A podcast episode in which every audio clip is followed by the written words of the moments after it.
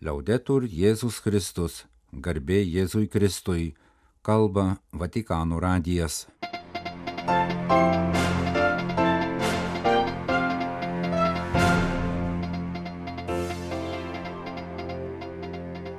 Malonūs klausytojai, šioje pirmadienio gegužės 8 programoje popiežiaus audiencija šventosios dvasios kongregacijos kunigams ir broliams vienuoliams. Kinijos katalikai švenčia Marijos mėnesį. Naujojo Šiaurės Arabijos vyskupo mintys apie pastoracijos uždavinius Kuveite, Katare, Bahreine ir Saudo Arabijoje. Karolio III vainikavimo atgarsiai patepimo iškilmėje naudotas aliejus iš Jeruzalės alyvų kalno.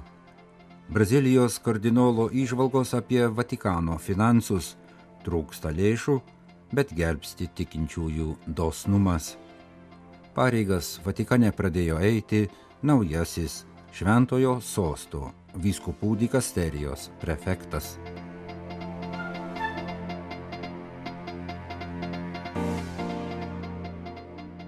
Pirmadienį popiežius Pranciškus priėmė kunigus ir brolius vienuolius, priklausančius Šventojios dvasios kongregacijai dalyvaujančius šiuo metu vykstančioje savo vienuolijos generalinėje kapituloje.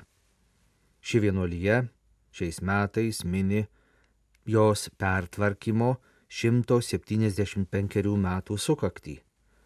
1848 metais popiežius Pijus IX sujungė į vieną iki tol atskirai veikusias, kiek anksčiau įkurtas dvi vienolyjas - Šventojios dvasios kongregacija ir Marijos širdies draugija. Oggi, dopo oltre un secolo e mezzo, vediamo che la provvidenza ha premiato Šiandien, praėjus daugiau kaip pusantro šimto metų, matome, kad apvaizda atlygino už jūsų dosnų ir drąsų paklusnumą dvasiai, sakė Pranciškus pažymėdamas, kad šios vienuolijos nariai šiuo metu tarnauja 60 šalių penkiuose žemynuose, kad kongregacija turi 2600 narių, vienuolių ir daugybę jiems talkinančių pasauliečių. Pasak Pranciškaus, labai svarbus šios vienuolijos bruožas visada buvo noras keistis ir atsinaujinti, derinamas su ištikimybė savo ištakoms. Šventosios dvasios kongregacijos nariai nuo pat pradžios evangelizuoja vargstančiuosius, imasi misijų ten, kur niekas kitas nenori eiti, teikia pirmenybę tarnystėj labiausiai apleistiems, gerbia tautas ir kultūras, ugdo vietinę dvasininkiją ir pasauliečius, kad jie tarnautų integraliam žmogaus vystimuisi. Ir visą tai daro broliškai ir paprastai, tuo pat metu ištvermingai melzdamiesi. Il vostro carisma aperto e rispettoso è particolarmente prezioso oggi. Jūsų charizma, atvira ir pagarbi, yra ypatingai vertinga šiandienos pasaulyje, kuriame kultūrų dialogo ir integracijos iššūkis yra labai svarbus ir netidėliotinas, sakė Pranciškus ir prašė niekada neatsisakyti drąsos ir vidinės laisvės, puoselėti ją ir išlaikyti nuolatinius savo paštelavimo bruožų. Yra labai daug žmonių, kuriems reikia Evangelijos, ne tik vadinamuosiuose misijų kraštuose, bet ir pavarguose, senuosiuose vakaruose. Žvelkite į kiekvieną iš jų, Jėzaus, trokštančio susitikti su kiekvienu akimis. Būkite ypatingai artimi vargingiausiems, sakė popiežius ir prašė visada atsiminti, kad tikroji bažnyčios misijos veikėja yra šventoji dvasia, kuri įkvepia visus gerus darbus ir duoda jėgų juos atlikti. Non c'è maggior libertà che quella di lasciarsi portare dallo Spirito rinunciando a calcolare e a controllare tutto. Nėra didesnės laisvės už tą, kai žmogus leidžiasi vedamas dvasios, atsisakydamas pats viską apskaičiuoti ir kontroliuoti, sakė Pranciškus, cituodamas savo paštališkai paraginimą Evangelijį Gaudium. Taip savo pašaukimą suprato Šventosios dvasios kongregacijos teigėjai, to aš šiandien jums linkiu ir tokiu kvietimu į jūs kreipiuosi. E questo è anche l'augurio e l'invito che vi rivolgo oggi.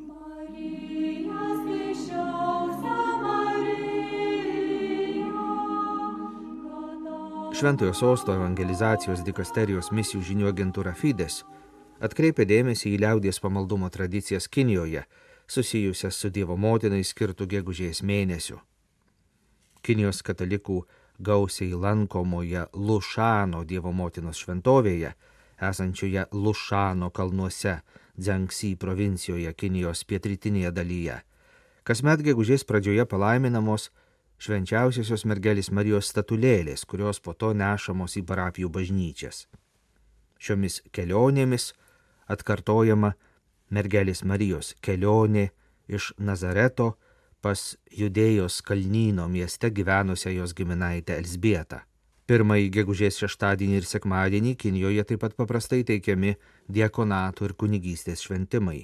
Svarbiausia Kinijos katalikams Dievo motinos šventė tai gegužės 24 dieną švenčiama Marijos krikščionių pagalbos šventė. Ji minima ne tik Kinijoje, bet ir kitur kaip viso pasaulio katalikų solidarumo su Kinijos katalikais diena. Šią dieną daug Kinijos katalikų susirenka melstis į pagrindinę Dievo motinos šventovę Šešano mažąją baziliką prie Šanhajaus. Šešano šventovę maldininkai gausiai lanko visą mergelį Marijai skirtą gegužės mėnesį. Anksčiau Kinijos valdžia leisdavo tik iš Šanhajaus vyskupijos organizuotoms maldininkų grupėms keliauti į Šešano šventovę. Tačiau vėliau suvaržymai buvo panaikinti. Tiesa, pastaruoju metu maldininkų kelionės buvo kurį laiką uždraustos ir vėliau ribojamos dėl COVID-19 pandemijos. Tačiau dabar ir šie apribojimai jau atšaukti. Kasmet gegužės 24 dieną minima maldos ir solidarumo su Kinijos katalikais dieną įvedė popiežius Benediktas XVI. 2007 metais jis paskelbė laišką Kinijos katalikams. Reikšdamas visos bažnyčios solidarumą su katalikais Kinijoje, tą progą popiežius paragino tikinčiosius visame pasaulyje, kasmet gegužės 24 dieną, melstis už tikėjimo brolius ir seseris Kinijoje. Katalikų bendruomenė Šiaurės Arabijoje susiduria su daugybė iššūkių, nes yra mažuma išsibarščiusi keturiose šalyse - Kuveite, Katare, Bahreinė ir Saudo Arabijoje. Vatikanų radijui duotame interviu sakė šiuose šalyse gyvenančias bendruomenės jungiančio Šiaurės Arabijos apaštališkojo vikariato vadovas vyskupas Aldo Berardi.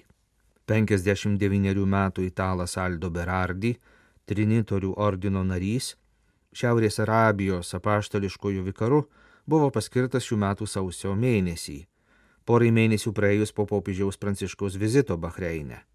Pasak vyskupo, popiežiaus vizitas pernai lapkričio mėnesį buvo labai svarbus, nes jis leido regione gyvenančiai krikščionių mažumai būti labiau matoma, taip pat paskatino būti vieningesniems. Neseniai Kiprė vyko tarptautinė konferencija skirta bažnyčios gyvenimui artimuosiuose rytuose. Joje dalyvavęs vyskupas Berardi, vadovaujantis mažoms lotynų apieigų katalikų bendruomenėms Šiaurės Arabijoje, teigiamai vertina pastarojų metų užmėgstus glaudesnius ryšius su rytų apieigų katalikais. Vienybės kūrimas mums yra kasdienis iššūkis, sako vyskupas. Šiaurės Arabijoje gyvenančių katalikų dauguma priklauso lotynų apieigų tradicijai, tačiau pastarojų metų daugėja rytų bažnyčioms priklausančių katalikų atvykstančių iš Indijos. Taigi bendruomenės tampa vis įvairesnės, daugia tautės ir vienybė tampa vis didesniu iššūkiu. Pasak vyskupo, reikia visų pirma spręsti logistinius klausimus, nes pavyzdžiui, Bahreinė yra tik dvi bažnyčios, kuriomis dalyjasi kelioms katalikų tradicijoms priklausantys tikintieji. Reikia taip pat stengtis, kad buvimas kartu ne vienodintų skirtingoms tradicijoms atstovaujančius katalikus, bet kad būtų atsižvelgiama į kiekvienos jų savitumus ir kad tie savitumai būtų puoselėjami.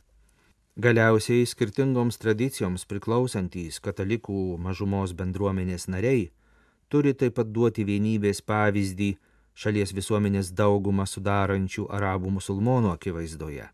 Nepaisant skirtumų, mes vieningai būrėmės aplink prisikėlusi Kristų Net jei meldžiamės skirtingais būdais ir skirtingomis kalbomis, išlaikome tikėjimo vienybę, pabrėžė Šiaurės Arabijos regiono katalikams vadovaujantis vyskupas. Jūs klausotės Vatikano radio žinių laidos. Tęsime programą. Šeštadienį per Westminsterio abatijoje vykusias Junktinės karalystės karaliaus Karolio III vainikavimo iškilmes naudotas konsekravimo aliejus, krizma, buvo pagamintas iš alyvogių užaugintų Jeruzalės alyvų kalne. Aliejui gaminti buvo naudotos alyvogės surinktos dviejose alyvų kalno alyvmedžių giraitėse, kurių viena priklauso Marijos Magdalietės vienuolynui, kita Kristaus žengimo į dangų vienuolynui. Marijos Magdalietės vienuolynė yra palaidota Karolio III močiutė, Graikijos princesė Alisa, kuri buvo ortodoksė. Alyvogės buvo spaudžiamos netoli Betlėjaus. Iš jo bei kelių rūšių kvapnių aliejų pagaminta krizma buvo palaiminta Jeruzalės šventojo kapo bazilikoje. Aliejaus palaiminimo peigoms vadovavo Jeruzalės graikų ortodoksų patriarchas Teofilis III ir Jeruzalės anglikonų arkivyskupas Hosamas Naumas. Kenterberio arkivyskupas Justinas Velby, vadovavęs Westminsterio abatijoje šeštadienį vykusioms iškilmėms, sakė, kad karūnavimo aliejus iš Jeruzalės atspindi karaliaus Karolio asmeninį šeimos ryšį su šventaja žeme ir jo rūpinimasi jos žmonėmis. Karūnavimo aliejus, pagamintas naudojant alyvų kalno alyvogių aliejų, rodo gilų istorinį ryšį tarp karūnavimo, Biblijos ir šventosios žemės. Praėjusią savaitę posėdžiavo popiežiaus Pranciškaus 2014 metais įsteigta ekonomikos taryba, kurios užduotis prižiūrėti Šventojo sosto ir Vatikano valstybės ekonominių reikalų tvarkymą ir administracinių bei finansinių struktūrų veiklą. Posėdėje dalyvavęs šios institucijos narys, Brazilijos San Paulo arkivyskupas kardinolas Odilio Pedro Šereris, davė trumpą interviu Vatikano radijui.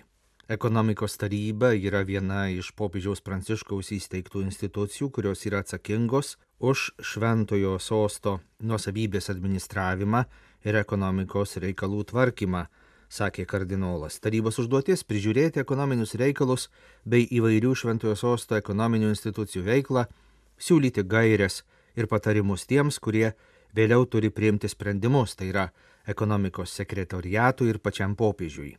Ekonomikos taryba nėra vykdomoji institucija. Už tai yra atsakingas ekonomikos sekretoriatas ir kitos šventojo sosto ekonomikos valdymo institucijos. Ekonomikos tarybai tenka užduotis prižiūrėti, ir bendrai kontroliuoti Šventojo sosto ekonominę, administracinę ir finansinę padėtį. Kokia Vatikano finansų būklė? Sakyčiau, atsakė kardinolas Šereris, kad Šventasis sostas nėra laiminga sala ekonominės krizės krečiamame pasaulyje. Stengiamas įtenkinti kasdienius poreikius, tačiau metų pabaigoje nustatomas biudžeto deficitas. Tokia padėtis nėra nauja, o išeitis visada yra tikinčiųjų dosnumas, mažos ar didelės tikinčiųjų ir bažnyčios institucijų aukos. Kanonų teisė numato, kad viskupijos visame pasaulyje gali padėti šventajam sostui, ypač esant dideliam poreikiui. Ir tai veikia. Gaunama daug paramos iš viskupijų, kurios padeda šventajam sostui ekonominiais klausimais. Sausio pabaigoje popiežius Pranciškus paskyrė amerikietį arkivyskupą Robertą Francisą Prevostą Šventojo sosto vyskupų dikasterijos prefektu. Balandžio 12-ąją jis pradėjo eiti pareigas. 67 metų Robertas Francisas Prevostas gimė Čikagoje. Jis priklauso Augustinų ordinui, du dešimtmečius kaip misionierius tarnavo Peru, o pastaruosius aštuonerius metus vadovavo vienai tos šalies vyskupijai. Prieš tris mėnesius popiežiaus paskirtas vadovauti dikasterijai atsakingai už kandidatų į vyskupus parinkimą, po Velykų jis pradėjo eiti prefekto pareigas šiame poste, pakeisdamas kanadietį kardinolą Marką Velet. Kiekvienas vyskupas turi visų pirma atsiminti, kad jis yra katalikų bažnyčios vyskupas, kad jo tarnystė privalo turėti katalikišką, tai yra visuotinį matmenį, nes kartais matome, kad per daug susitelkiama į vietinius dalykus, sakė naujasis vyskupų dikasterijos prefektas Vatikano radijai duotame interviu. Vyskupas privalo plačiau matyti bažnyčios ir pasaulio tikrovę ir gyventi bažnyčios visuotinumu. Labai svarbus vyskupo bruožas turi būti gebėjimas išklausyti. Jis turi būti ganytojas, gebantis būti arti bendruomenės narių, pradedant kunigais, kuriems vyskupas yra tėvas ir brolis. Tačiau artimas jis turi būti visiems, ne vieno neišskiriant. Naujojo kandidatus į vyskupus parenkančios dikasterijos prefekto buvo paklausta apie galimus procedūrų pasikeitimus, įsigaliojus apaštališkai konstitucijai predikatą Evangelium, kurioje kalbama apie didesnį Dievo tautos įtraukimą į vyskupų skirimo procesą. Arkivyskupas Prevostas atsakė, kad šis klausimas buvo svarstomas dikasterijoje. Jau ir anksčiau skirimo procedūrose buvo atsiklausiama ne tik vyskupų ar kunigų, bet ir pasauliečių nuomonės. Tai labai svarbu, nes vyskupas yra pašauktas tarnauti konkrečiai vietiniai bažnyčiai. Jei kandidato niekas nepažįsta, tuomet sunku įsivaizduoti, kad jis galėtų tapti bendruomenės vietinės bažnyčios ganytoju. Todėl svarbu, kad procesas būtų šiek tiek atviresnis, kad būtų galima išklausyti įvairius bendruomenės narius. Tai nereiškia, kad pati vietinė bažnyčia turi išsirinkti savo ganytoją. Tarsi pašaukimas būti vyskupu būtų demokratinio proceso rezultatas. Tačiau tikrai reikia platesnio požiūrio. Naujos kovos su seksualiniu išnaudojimu bažnytinėje aplinkoje normos padidino vyskupų atsakomybę. Vyskupai privalo nedelsiant reaguoti, o uždelsimą ar neveikimą atsakyti. Kalbėdamas šią specifinę temą, vyskupų dikasterijos vadovas sakė, kad šioje srityje kai kuriuose kraštuose jau prieš kurį laiką buvo įdėkti nauji standartai, tačiau kitur vis dar reikia daug ko išmokti. Visų pirma, reikia daugiau dėmesio nusikaltimų aukoms.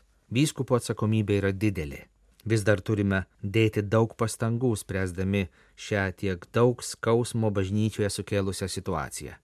Vyskupų dikasterijos misijos dalis ir yra padėti tiems vyskupams, kurie negavo reikiamo pasirengimo, spręsti šią problemą. Skubiai reikia padaryti, kad visi vyskupai būtų atsakingesni ir jautresni šiuo klausimu. Arkivyskupas Prevostas sakė suprantas, kad yra skirtumų, kurios lemia vietos kultūra, Kai kuriuose šalyse vengiama kalbėti šią temą, kai kuriais atvejais patys nukentėjusieji ar jų šeimos nenori kalbėti apie patirtą prievartą, tačiau jokių atvejų tylėjimas nėra išeitis, tyla nėra sprendimas. Turime būti skaidrus ir sažiningi, lydėti aukas ir joms padėti, nes kitaip žaizdos niekada neužgis. Mums visiems tenka didelė atsakomybė.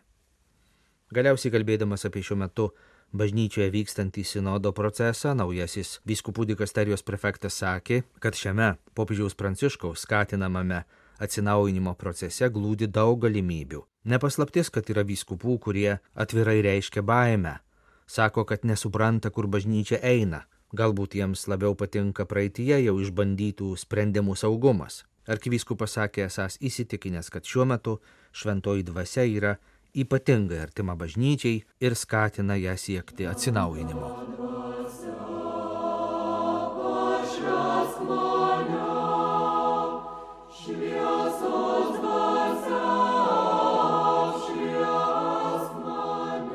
Kalba Vatikano radijas, laidą lietuvių kalba baigėme garbė Jėzui Kristui, liaudetur Jėzus Kristus.